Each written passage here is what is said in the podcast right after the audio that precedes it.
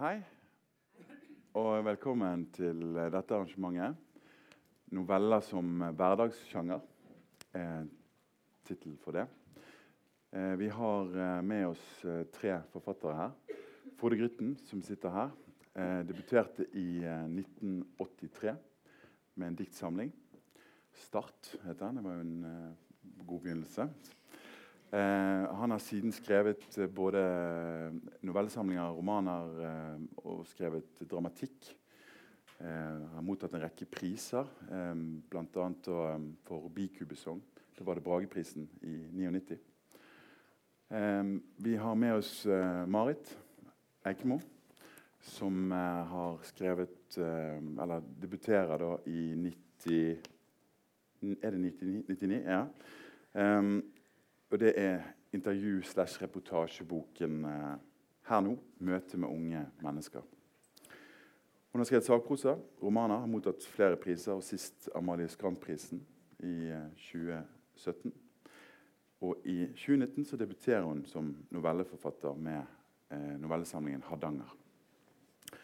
Og vi har eh, også med oss eh, Laila Stien, som debuterer i 1979 med novellesamlingen 'Nyveien'. Hun har skrevet barnebøker, romaner, eller i hvert fall én roman. stemmer det? Ja. En voksen. En, en voksen roman, ja. ja.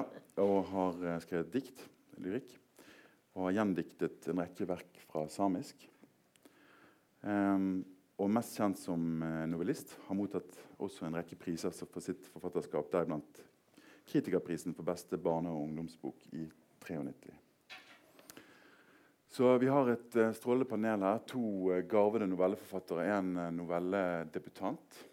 Um, og eh, jeg tenkte jeg skulle eh, begynne med Laila her, da, som debuterer først med novellesamlingen 'Nyveien' i 79. Og det som jeg eh, kanskje i utgangspunktet ville spørre deg om Du kan si noe om hvorfor det ble noveller, hvordan du fant den formen, eller hvor, hva som var tiltalende med å skrive innenfor novellesjangeren. Ja.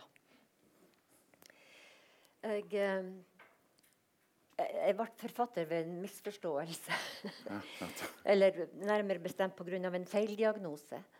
Jeg eh, jobba som vitenskapelig assistent på samisk etnografisk avdeling på Tromsø museum. Jeg har hatt liksom fag som eh, gjorde meg ja, egna til det. Så, men så skulle jeg være med på en bedriftsundersøkelse. Og der eh, Sånn som vanlig bedriftsrøntgen. Og så fikk jeg eh, telefon eh, fra sykehuset rett etter at jeg måtte komme tilbake og de måtte ta flere bilder. Og så var nå tilbake og tok 150 bilder, og inn til overlegen som sa du har tuberkulose og du må legge deg inn her for en kur på fire måneder. Så da var jeg 27 år, og det her var jo helt uvirkelig. Jeg var jo i fin form og ikke sjuk på en flekk. Det jeg visste om, i alle fall. Så det var veldig sånn Kafka. det her stemmer ikke. Men eh, jeg kom nå dit. Pakka sammen det på studentbyen på Prestvann der jeg bodde. La meg inn. Og når jeg skulle skrives ut etter fire måneder, så var det så vidt de ble kvitt meg, for jeg hadde trivdes så fryktelig godt. og eh, Ja, det var jo Jeg var fristilt fra plikter og ambisjoner og, og strev. Det var nå det ene. Men så var det folkene rundt meg. Alt de sa. Måten de sa det på. Det var de utroligste ting. Så jeg begynte å notere ned de her, sånne, for, bare for å ha det, for å huske det, for eh, min egen skyld. Og bruka det i brev til mine venner. Da, som, ja, så fikk jeg tilbakemelding fra dem at de ville høre mer. Jeg dikta jo, la jo litt til og trakk litt fra. så uten, uten noen plan, uten at jeg visste sjøl, så var jeg i gang med å arbeide sånn som en skjønnlitterær forfatter arbeider. Med impulser, inntrykk og ja, ting du hører og ser. og som er noe å samle på. Og da jeg ble utskreven, da, så, så leste jeg en annonse i eh, nordnorske aviser om at Nordnorsk Forfatterlag skulle gi ut en antologi. Eh, med bidrag fra etablerte forfattere og andre helt ukjente. Alle kunne sende inn bidrag og få dem vurdert. og så, da tenkte jeg at de der brevene de, de, hadde jo hatt det artig med De hadde hatt høytlesing på de der brevene, vennene mine som da bodde i Oslo og studerte. Så, så jeg setter meg ned og bearbeider noen av de der tekstene. Mm. Så det var jo opprinnelig skrevet i en kort form, altså brevform. Og jeg, jeg tok det, dem for meg, de her notatene, og, og laga fortellinger som med en avrunding, med en begynnelse og et parti i midten og noe som slutta. Det var og det ble nå den lengden det, det ble, for det var jo ikke de store, de, virkelig livshistorie jeg hadde overhørt og, og notert.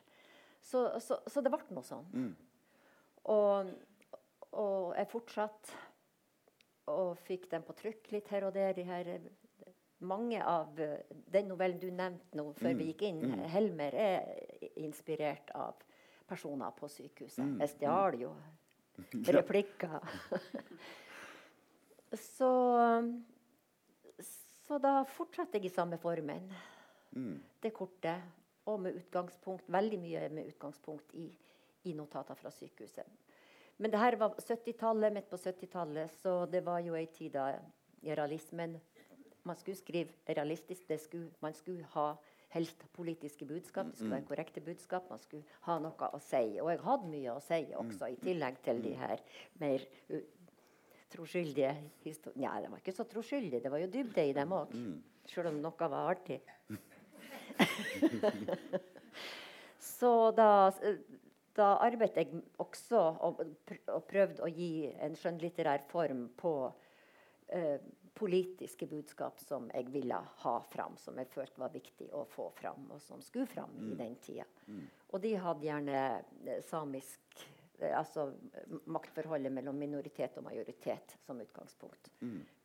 Og jeg hadde studert samisk, jeg var inne i den, hadde kjennskap til den verden. Så sånn var det. Mm.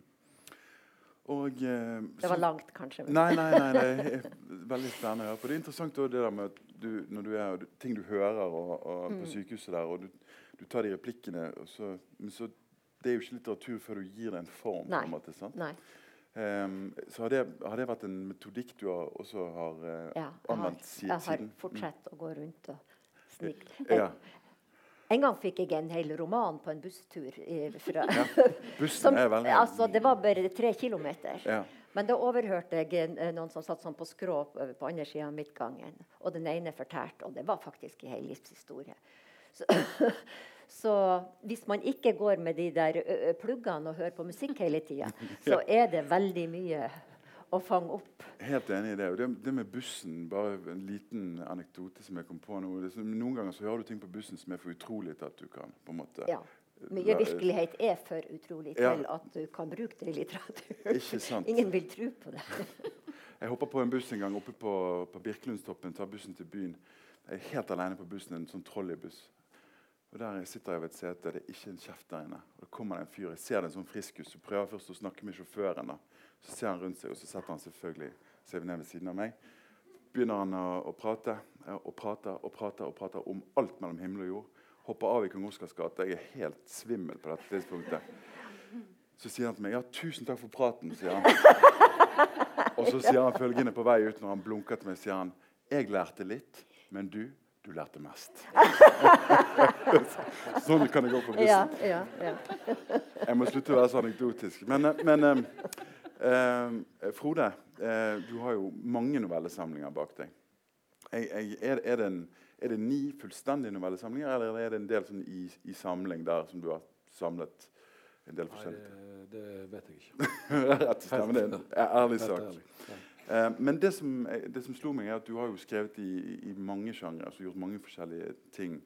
Men du vender tilbake til novellen. da. Eh, mm. Nå var det lenge siden sist, før 'Menn som ingen treng' kom. Mm. Men eh, kan du si noe om kanskje hva du eller hva som gjør at du vender tilbake? Hva er det du finner i novellen, eller tiltaler med formen? Hva du kan gjøre der som du ikke ellers kan? på en måte? Det er kanskje et stort spørsmål, men Nei, men jeg tenker at novellesjangeren det, altså, At jeg grunnleggende sett er en eh, novelleforfatter. da. Så når jeg holder på med det andre, så er det et slags utroskap. da, At jeg holder mm. på med roman og dramatikk og sånn. Mm. Det, er ikke meg, da. Jeg er på noe sidespor som uh, ikke helt bra, men uh, jeg er nå der.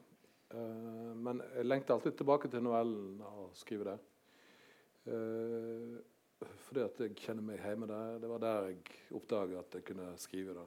Jeg skrev jo som du sa, en diktsamling først, men det var sånn ja, ungdommelig overmot å tenke at jeg skulle skrive dikt, at det var lett. Men det var det jo ikke. Så når jeg begynte å skrive noveller, så skjønte jeg at ja, ja, dette er det stedet der jeg er.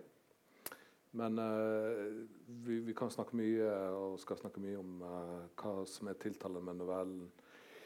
Uh, for meg er det det der Når du skriver, så er det at det, det, går fort, sant. Mm, altså, mm. Du, du, får opp et rammeverk veldig fort. Mm. Og du kan begynne å jobbe med det inni ganske fort. Mens en roman så må du jo holde på et år før det begynner å bli interessant. Du må slite et år. Får, på noveller så er det et par-tre dager sant, hvis du har en god idé. da. Mm. Så det er veldig appell. Og når jeg leser, så, er det rett inn i en situasjon eller noe som uh, brenner, uh, noe som er viktig. Uh, så du slipper alt det der uh, alt det der tullballet som romanforfatterne holder på med.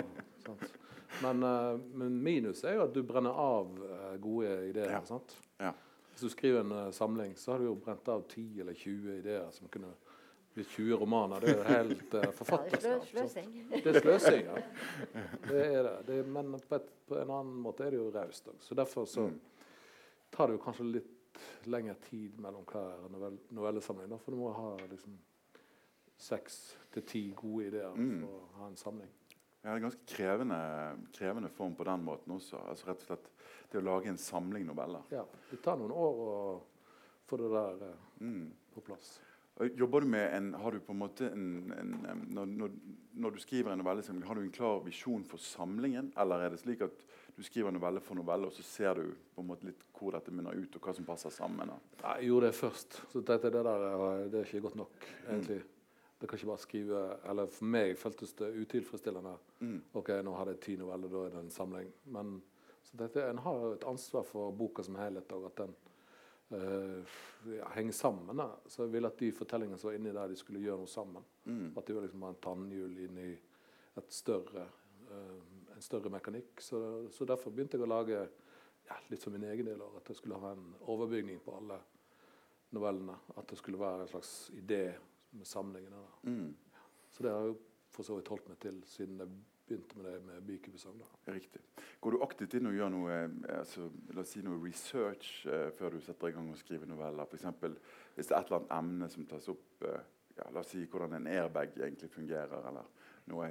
Går du inn og leser deg opp på det, eller er du Oh, dette er jo vanskelige ting, men uh, jeg tror det er at hvis en skal skrive, så må en la være å gjøre research. Mm. egentlig. Men en gjør jo det, og det, det står en ofte fast i den researchen òg. Mm. For det, du finner jo aldri ut nok om ting. Nei. Så du kan jo holde på å gjøre, gjøre research et helt liv, og så dør du før du får skrevet det eneste ord. men uh, altså, en, en plass må du jo begynne. Så ideelt sett så skriver du, så gjør du research etterpå, for du vet jo hva du trenger. Ja, sant. Ja. Men når du hører det som Laila sier, at du må holde, ikke ha musikkpluggen i ørene og høre etterpå hva, hvordan folk prater med hverandre på bussen, eller hvor det nå enn måtte være, er det en, en, metode som du aktivt har benyttet deg av? Jo da, jeg har jo stjålet ting. Eh, jeg òg eh, skrev en novelle en gang som jeg fikk bare rett opp i fanget. ved å sitte på en restaurant i Tønsberg. Så jeg hørte et par som eh, da ikke hadde truffet hverandre på veldig mange år. Og hadde tydeligvis at hun ikke husker noen ting av hva de hadde hatt sammen, og han husker alt. Det, oi, dette, dette, var ikke bra. Det var en gavepakke. Ja, han hadde fulgt henne veldig sånn, på avstand. Da, mm. Og liksom, litt skummelt og litt creepy. Mens hun var helt sånn der, Og så skjønte hun oi, faen, han er liksom fulgt meg gjennom et helt liv. Så det bare satt jeg og hørte, så bare noterte jeg. Eh, men jeg må jo skjule kanskje notatene sine av og til, ikke, for da stopper de. sant? Men du måtte ikke intervenere på noen måte? Derfor. Nei, det, det der måtte de finne ut av selv. ja, selvfølgelig. Um, uh, Marit, du uh, debuterer jo da med en novellesamling uh, nå. Et, 20 år etter din første bok så går du til novellen. Kan du fortelle litt om hva som hvordan det oppsto, eller hvorfor du valgte å gjøre det mange går gjerne av og til andre veien. Sant? Fra Mm. skriver novellesamlinger, og så kommer, begynner romanen å komme. Mm. Jeg tror faktisk jeg hadde tenkt altså, Jeg strevde veldig med min første roman, da, som kom i 2006. Så Mm. jeg tror jeg var inne på tanken der og at jeg skulle skrive noveller istedenfor. Men det, ble, det var nå det var nå en roman, det stoffet. Så det var nå det det ble. Men, Ja. uh, så det har jeg på en måte sittet litt fast i, og det er jo eh, men det som jeg hadde en veldig god sånn litterær opplevelse med, eh, det var jo når jeg skrev essaysamlingen eh, 'Samtidsruiner' Mm. i 2008.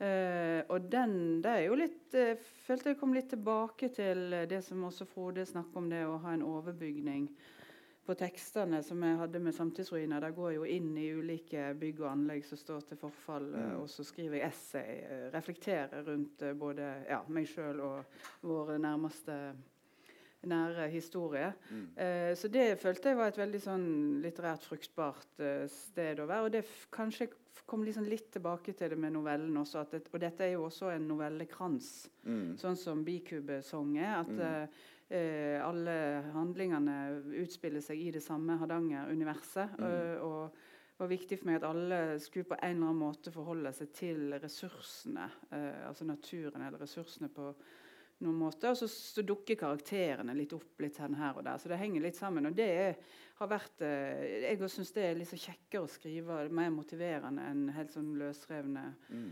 eh, noveller. Eller sånn. Så det, men det tror jeg bare er en sånn eh, Ja, jeg, liker, jeg likte godt det. Jeg likte, det var et godt sted å være.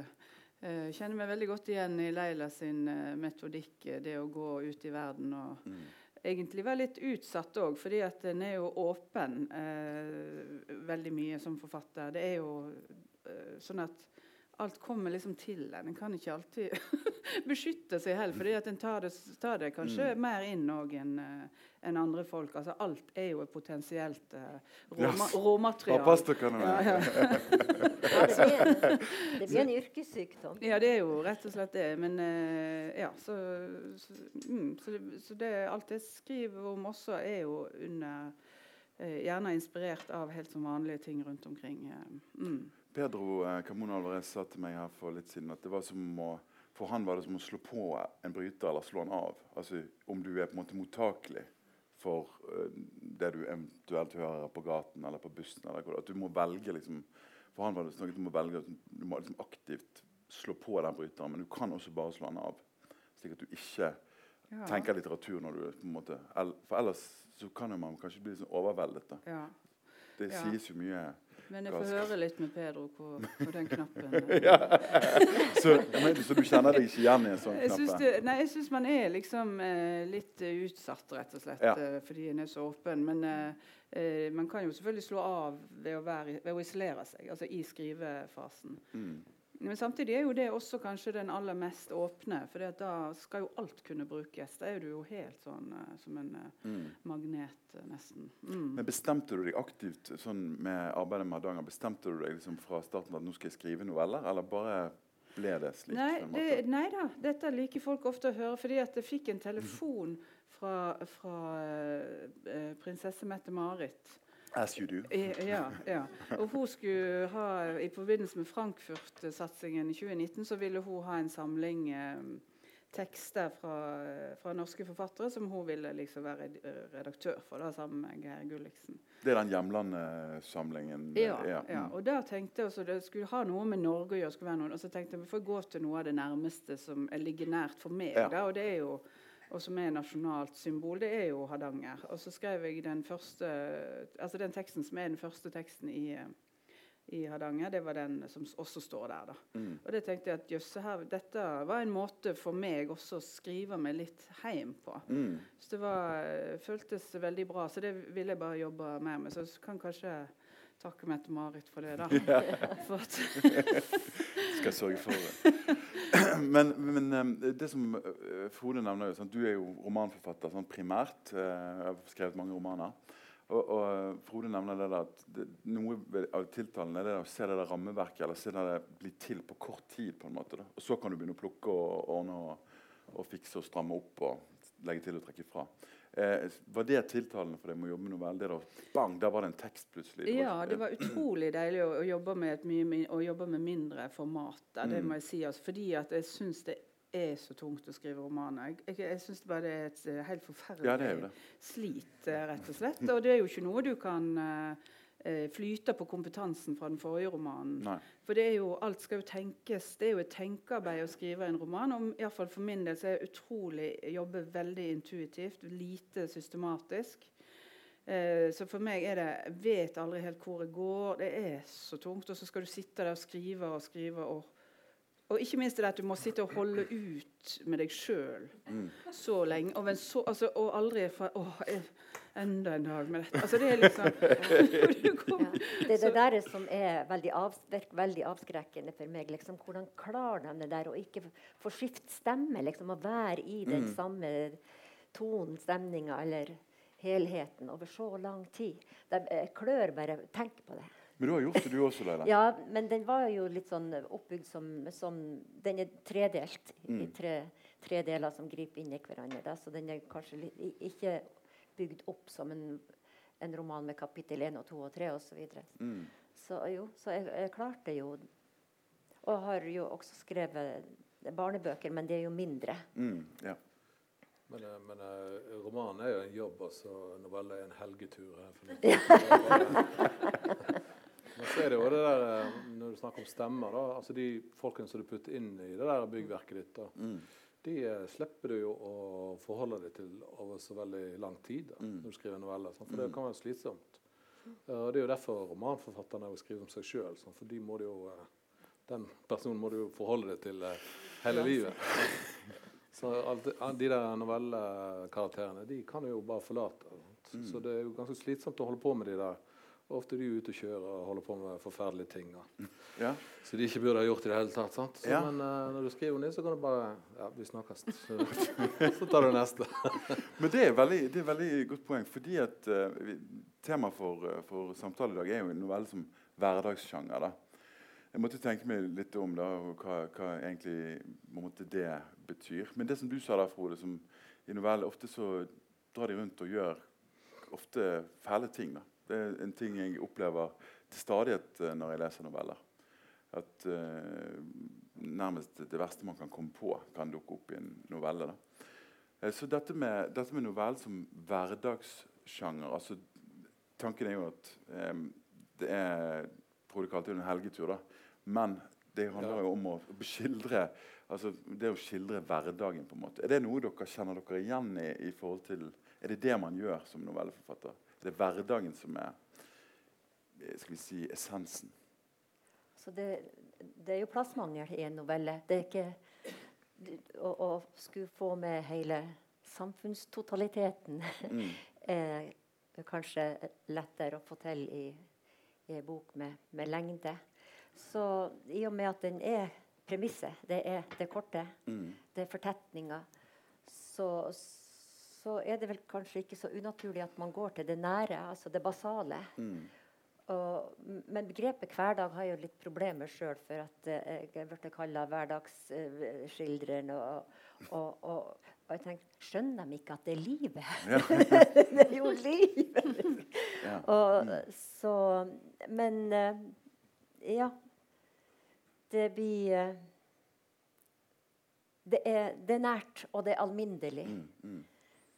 Eh, men eh, jeg leste nemlig ja, jeg leste nylig Nina Lykke sin nye, eh, siste roman, som handler om ikke et såkalt hverdagsmenneske. Hun er utdanna lege, hun er fastlege. Og, men hun strever med at hun, hun er så lei av pasientene. Det er fryktelig mye mas og gnål på dem. Og så hverdagen hennes er ikke Tross hennes høye utdannelse så er det ikke noe glamorøs hverdag. akkurat. Mm. Eh, men så skriver hun eh, Eller det hovedkarakteren, Elin, fastlegen, hun sier at hun har aldri Verken som menneske eller som lege aldri i sitt liv truffet et vanlig menneske. Mm. Altså for at uh, Noen ganger så får man høre at jeg for eksempel skriver om vanlige mennesker, men hvem, hvem er de vanlige menneskene? Det, alle er uvanlige på sett vis. Mm. Det var et intervju med Yngvild Ingvild eh, på, på radioen. da, som har skrevet tre veldig fine novellesamlinger. Uh, og det, var tydelig, det var litt vondt å høre på det, for det er tydelig at det har fått skrivesperre, da, som var uh, fundamental. egentlig. Mm. Så det var ikke så kjekt å høre. Men uh, hun snakker det om at novellene Hun likte ikke novellene så godt fordi at hun ville at det skulle skje masse ting. da. Mm. Og i noveller så, så, går ikke det an at det skal skje så mye. Mm. Så personene hennes veldig, ble veldig statiske, og de sto og så ut vinduet og så inn vinduet og alt det der som man gjør i noveller. Mm. Jeg ville at det skulle skje mer. Men det gikk ikke noe. Men poenget er jo nettopp det der at uh, du kan ikke putte for mye inn i en novelle, for da er ikke det en novelle lenger. Mm. Og veldig mange eh, forfattere tror jeg, som skriver romaner, hadde vært utrolig gode novelleforfattere. Mm. Men de bare putter masse greier opp i båten, og så bare synker båten. Altså. Mm. Så jeg leser romaner av og til, og tenker jeg her har du en fantastisk novelle på 20 sider, men du har skrevet 800 sider. Hvorfor gjorde du det, da? Så ja. Men folk altså sånn, eh, Vi ser jo at folk leser jo eh, primært romaner. Sant? Noveller eh, leses jo ikke i så stor grad som, som romaner gjør. Eh, har dere reflektert noe over hvorfor det er sånn? Hva er det som gjør at folk går og plukker opp en roman selv om de kunne lest en novellesamling som er langt bedre enn den romanen de plukker opp, f.eks.? Jeg tror det har litt å gjøre med det der eh, at vi i det offentlige, i hvert fall, eller at en vil at en bok eh, skal tømme temaet tema helt og fullt. Ja, riktig. Sånn at uh, du får en sånn merkelapp. Ja, det handler om det, det handler om det. Da. Men, men, så kommer du til novellesamling. sier å ja, hva handler dette om, da? Eller ja, det, det handler om ti forskjellige ting. Mm. Og det er 20 forskjellige personer. Hvordan skal du mm greie å forholde deg til det. Mm. Uh, ja, de er da, umulig å snakke om. Og, der, ja. og, Derfor så brukes heller ikke novellister så mye i sånne bokprogram. Altså, en romanforfatter kan jo fortelle om de her personene og det levendegjøre dem uten å snakke sunn boka. Mm. Men snakker man litt for mye om en novelle, så snakker man den sunn. Man må være mm. fryktelig forsiktig. Ja. Mm. Nesten ikke mulig. Kritikerne liker det heller ikke. Sant? For mm. at, uh, hvordan, hvordan, altså, vanligvis må du skrive to tredjedeler sånn handlingsreferat. sånn at de kan skrive den anmeldelsen veldig fort. Da, sånn at de kan mm. tjene penger. og Nei, nå tuller Men uh, de, uh, de, liker ikke det, for det, det, er vanskelig å gjengi hva er dette for noe egentlig. Sant? Så mm. Derfor så, så, skriver de heller bare sånn Det står jo alle anmeldelser av novellesamlinger. Ujevn novelle. Alltid. Uansett. Eh, det var en liten kuriositet. Når den 'Hjemlandet' kom, så var det en av avisene som uh, ga det en terningkast seks. Og det er jo helt useriøst eh, å gi en antologi til Det er jo liksom Dette er det aller beste. Samtlige bidrag er helt Ja, ja, at dette er en antologi. Så godt kan det bli. Eh, så det blir jo litt useriøst igjen, syns jeg. Men, eh, Men det var jo Mette-Marit som ja, ja, redaktør. Men eh, jeg er helt enig i det der med, med, med ujevnt, ja. Eh, siden dette også var min eh, første novellesamling, så har jeg, så har jeg registrert det. Har du fått den?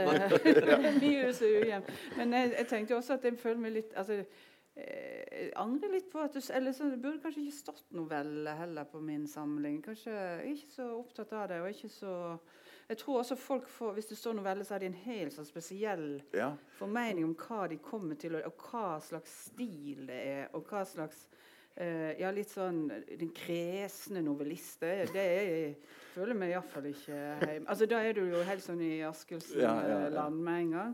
Så kanskje uh, Ja, samme hva det er. Men jeg har inntrykk av at kritikerne de er jo veldig De har Ja, dette innfrir kanskje ikke helt til novelle, og så blir det veldig ujevnt.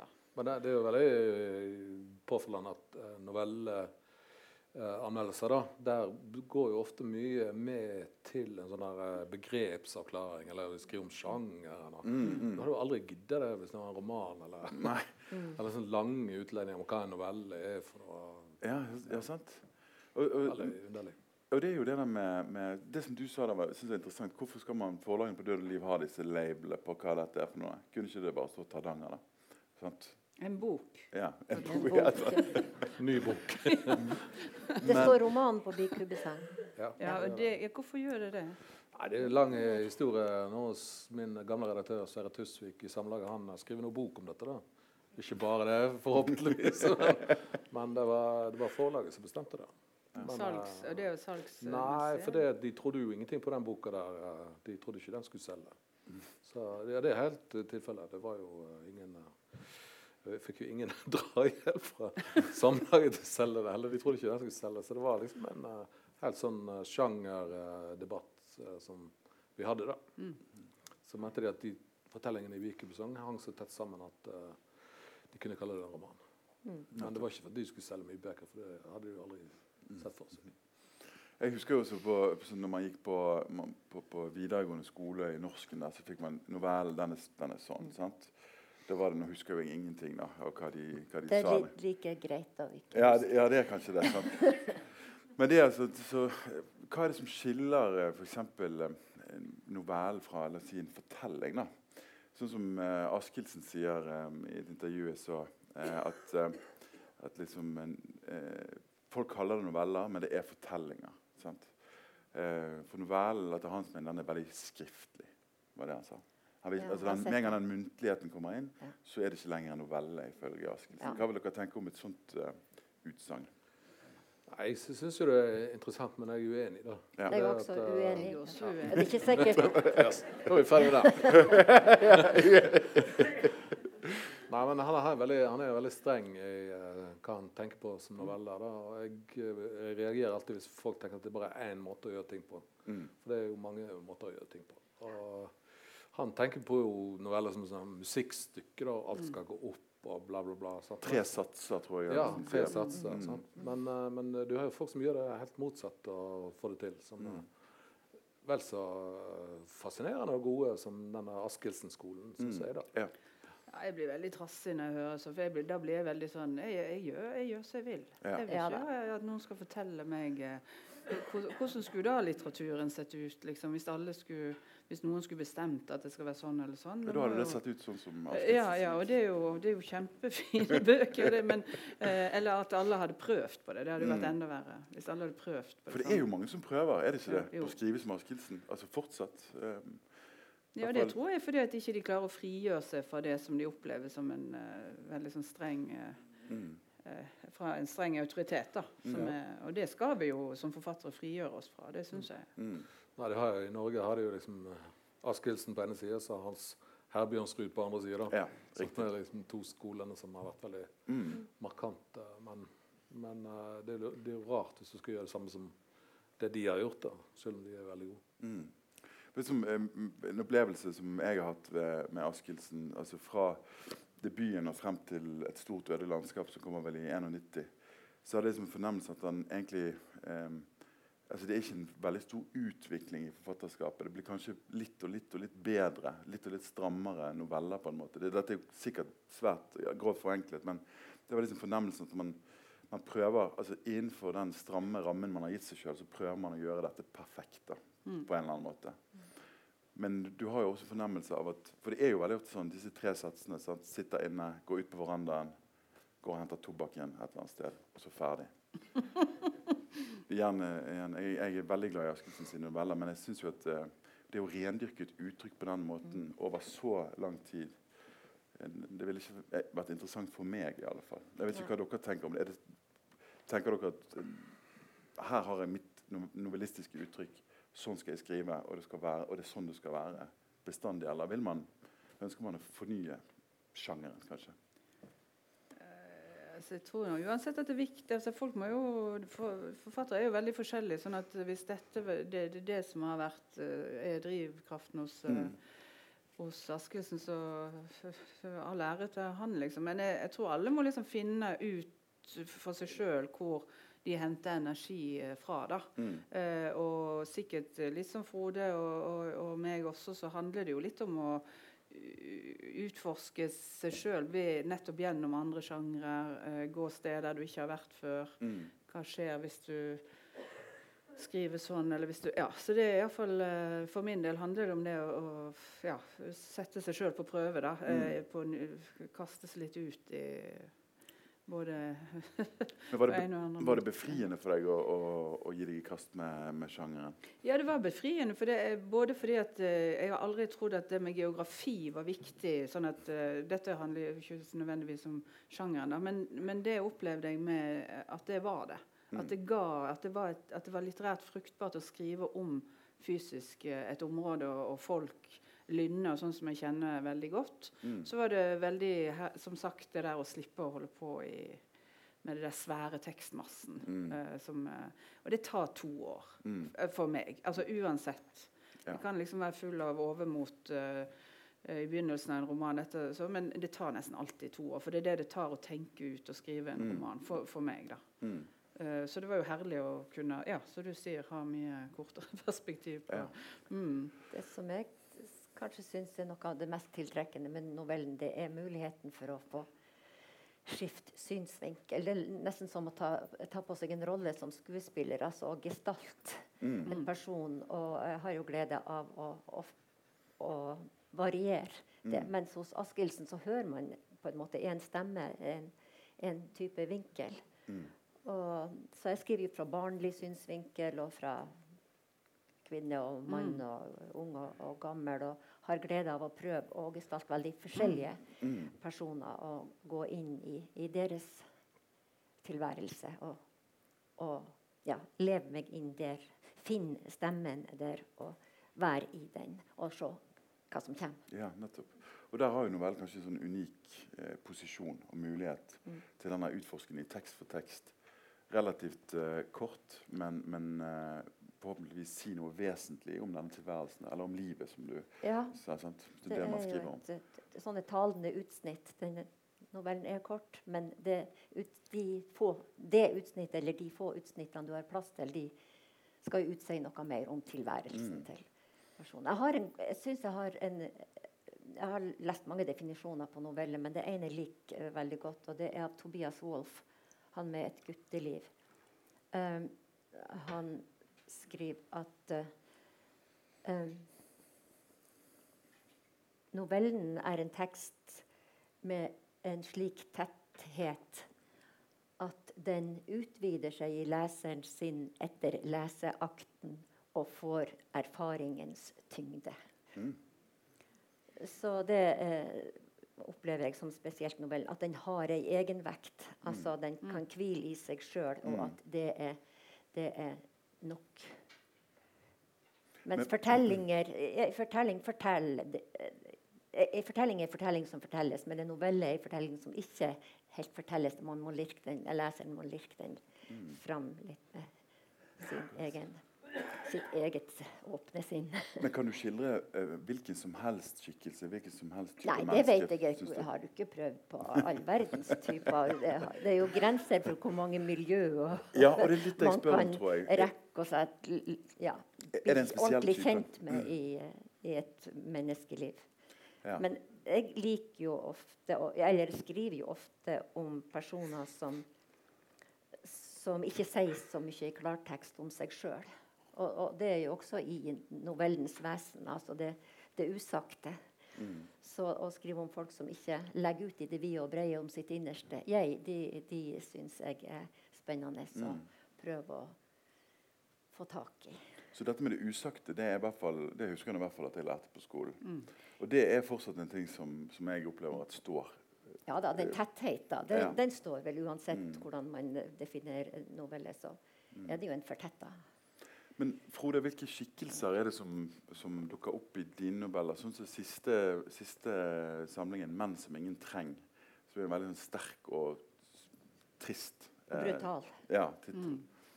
Eh, vi vet jo på en måte litt sånn Det er akkurat som man fornemmer hvem de er før man en gang har åpnet eh, boken, hvis du, hvis du skjønner hva jeg mener. Ja. Veldig treffende uh, tittel. Og Kan du si noe om det? Hvilke skikkelser er det du velger deg? F.eks. i den siste samlingen. Mm. Eh, Nei, eh, vi var jo her, akkurat her da jeg var festspilldikter. Og så snakket vi om noveller. Så fikk vi invitere novelleforfattere, så jeg inviterte bl.a. Leila. Mm. Så da snakker jeg litt om noveller. Og så las fem eh, novelleforfattere fra sine bøker. Og da sa jeg vel i introen til eh, Leila at eh, novelleforfatteren skriver ikke om de som er på TV, men de som sitter og ser på TV. Mm, mm, de det handler om. Så leste du en novelle der var en som satt og så på TV. mm. Det var jo ikke avtalt, men sånn var det. Så det er jo, det er kanskje liksom påfallende at de karakterene er de, de er ikke på Skavlan og sitter snakker om seg sjøl. Mm. De sitter og preker om helt andre ting eh, på helt andre arenaer. Mm. Mens uh, livet deres uh, blir nå levd på ulikt vis. da. Mm. Uh, men akkurat med den uh, novellesamlingen så så har jeg egentlig alltid vært opptatt av det maskuline. Når du vokser opp i Odda, så er det en nødvendighet at du er opptatt av det maskuline. For det, det var en macho plass. Og så var kanskje ikke jeg fullt så macho som alle andre rundt meg. Jeg gikk på biblioteket og skrev dikt og, og sånn. Så du begynner å forske i det der eh, ganske tidlig. Hva er det, hva er det for noe med å være maskulin? Og så har du i dag en utvikling fra det samfunnet som jeg vokste opp i, som var veldig maskulint, men der alle på et eller annet vis var uh, tatt vare på. Mm. Altså, han hadde en sånn lovnad om at uh, de som fikser dette, de skulle ta vare på de som ikke fikser det. Mm. Og den lovnaden er jo da de årene som har gått uh, siden jeg begynte å skrive, trukket tilbake. Mm. Sånn at Mm. de som ikke fikser dette, de uh, blir da stempla og sagt at ja, det er din egen feil. Eller du må komme deg opp om morgenen og Mm. ja, du må sjøl levere varene, som det heter i dag. da. Mm. Så det var det jeg hadde lyst til å skrive om der. Mm. Og uh, det er Interessant uh, det perspektivet med den som sitter og ser på TV-en, framfor den som er på TV. Marit, du har jo en, en novelle i, eh, en, eh, din Hardanger om talkshow 'Dronninga', er det den den heter? Ja. Der uh, vedkommende uh, er jo en, en stor Har i hvert fall vært en stor suksess. Så nå kommer han tilbake for å være med på et uh, talkshow i Var det i Lofthus? Lofthus, ja. Ja. Mm. Ja, hotellet er vel Hotellet Ullensvang, som er der, der vedkommende bor. ikke sant? Ja, ja. Men det er jo en helt annen type. Dette er jo på en måte, men her er det jo, man får jo sånn Dette er jo et menneske i fritt fall, nærmest. Var i hvert fall min følelse eh, for henne. da. Er det riktig? Uh, det, nei, hun er jo ikke i fritt fall, men okay. nå kommer vi tilbake igjen, og så har vel kanskje oppveksten vært en følelse av fritt fall. Ja. ja. Så, det er vel det som, eh, så det er vel det som skjer der, at de får passet sitt påskrevet, da, mm. denne bygda. ja nettopp. Som, eh, ja. Nei, men jeg tenkte også på det der med perspektiver, og det, og det var veldig bra du sa For det er jo også veldig frigjørende der å kunne ha forskjellige eh, eh, karakterer som man, eh, man jobber med. Mm. Og da, Jeg fikk jo faktisk spørsmål Jeg har flere mannlige eh, karakterer som, eh, i denne som jeg skriver. Ja. Eh, Blant annet en, en homoerotisk tekst eh, som heter 'Dronningstien'. eh, eh, da. Det er jo, handler om to menn, og så er det en annen tekst som også der er det Og da fikk jeg spørsmål hvordan, hvor- hvordan jeg klarte liksom det der å sette meg inn i inn liksom i en mann. mann. og det, men det er jo ikke noe heksekunst. Nei. Det vet vi jo. Men det er jo kanskje litt eh, oppveksten i Odda òg Ja. som eh, preger meg òg. Jeg vet ikke. Du er jo også oppvokst i Odda Ja, med ja. en Macho. Jeg var jo homo, da. Hæ? Du var jo homo, da. Ja, jeg var jo homo i Odda. Ja, for man må jo kunne være i stand til å, å En mann må kunne skrive om en kvinne, og omvendt. holdt jeg på å si. ja, det må man. Det må jo, må jo være et, på en måte, et minstekrav til en Mm. uh, skjønnlitterær forfatter. Men um, um, i alle fall denne her uh, talkshow-dronninga da, um, det, det blir jo veldig kleint da, uh, når hun sitter på denne scenen og skal intervjues. da. Og jeg, Jeg leste dette, og jeg, jeg sa det til Marit i sted. Fikk så vondt, og hun kommer opp der, og dette er jo lokalt, og på scenen, og så roper hun da ut Show me some love, Hardanger. Tror jeg. og så er det helt stille, og så er det en som roper etter en stund Snakk norsk, da! Ja, nei da, men det er jo også ja, hun, Men det er en annen type, i hvert fall. Hun har jo vært en suksess. denne her. ja, hun dette- er jo en kjent uh, TVs, uh, altså skuespiller i, Ja. i, og bor i Oslo. Så hun, dette er jo en måte for henne å komme hjem på. Eh, som eh, understreker jo at hun eh, har vel var ikke hjemme den gang, og det er ikke hjemme nå heller. Mm. Så ja. Sånn kan det gå. Men eh, som sagt, nå har vi vært inne på Herbjørnsrud litt, og, og Askildsen. Og eh, så har du jo andre store novellister, sånn som Hemingway, da, sånt, eh, som har på en måte definert sånn, sjangeren litt i, i vår tid. Eh, det som kunne vært interessant å spørre om, er jo hvilke muligheter ligger det for novellekunsten på en måte i fremtiden? Hvor er novellen på vei Er det noe nytt som er i ferd med å skje innenfor sjangeren? Er det, er det noen som har noen refleksjoner og tanker omkring det?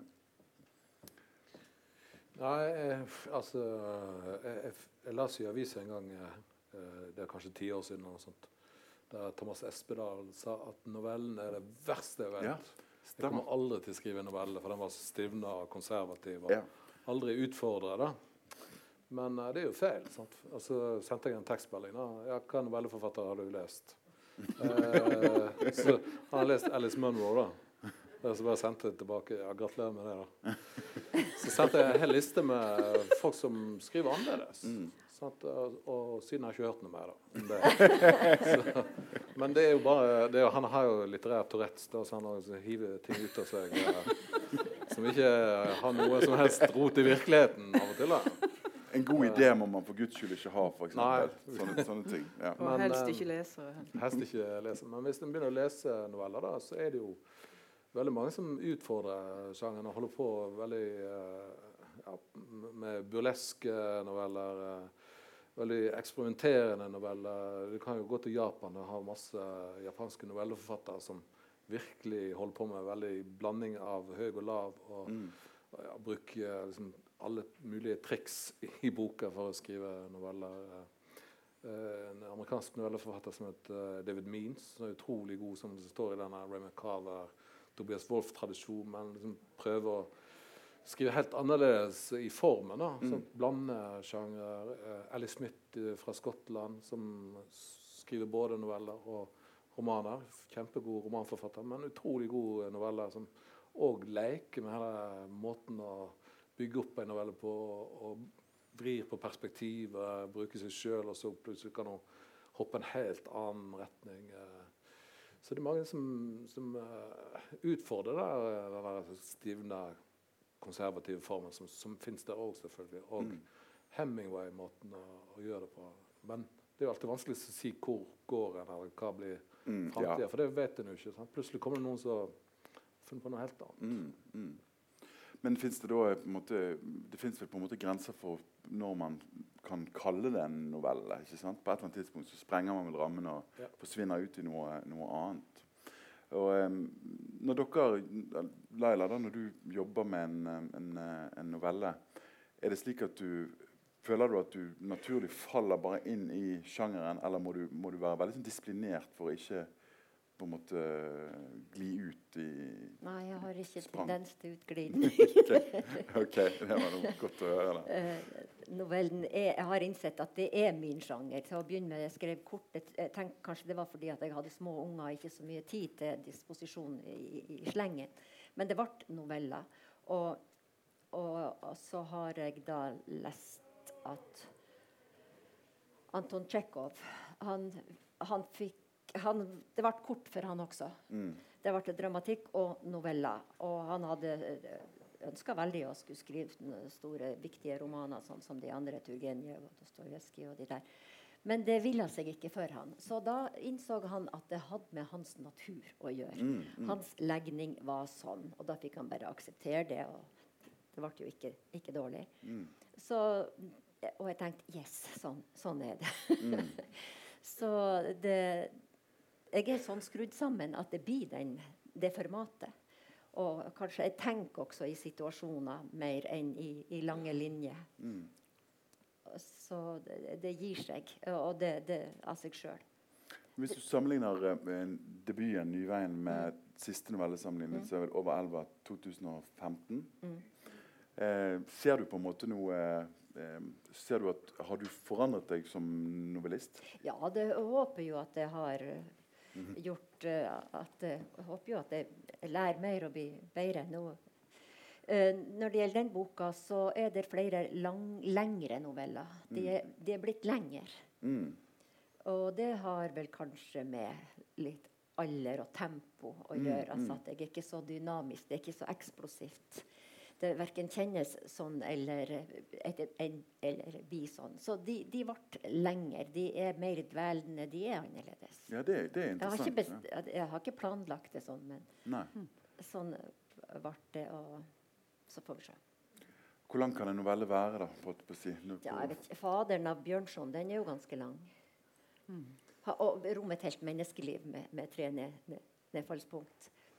Så nei, fins det noen grenser? Du skriver jo Ja, skrive mest ganske lange. ganske lange. Men men, jeg tror ikke det fins noen regel der. Nei.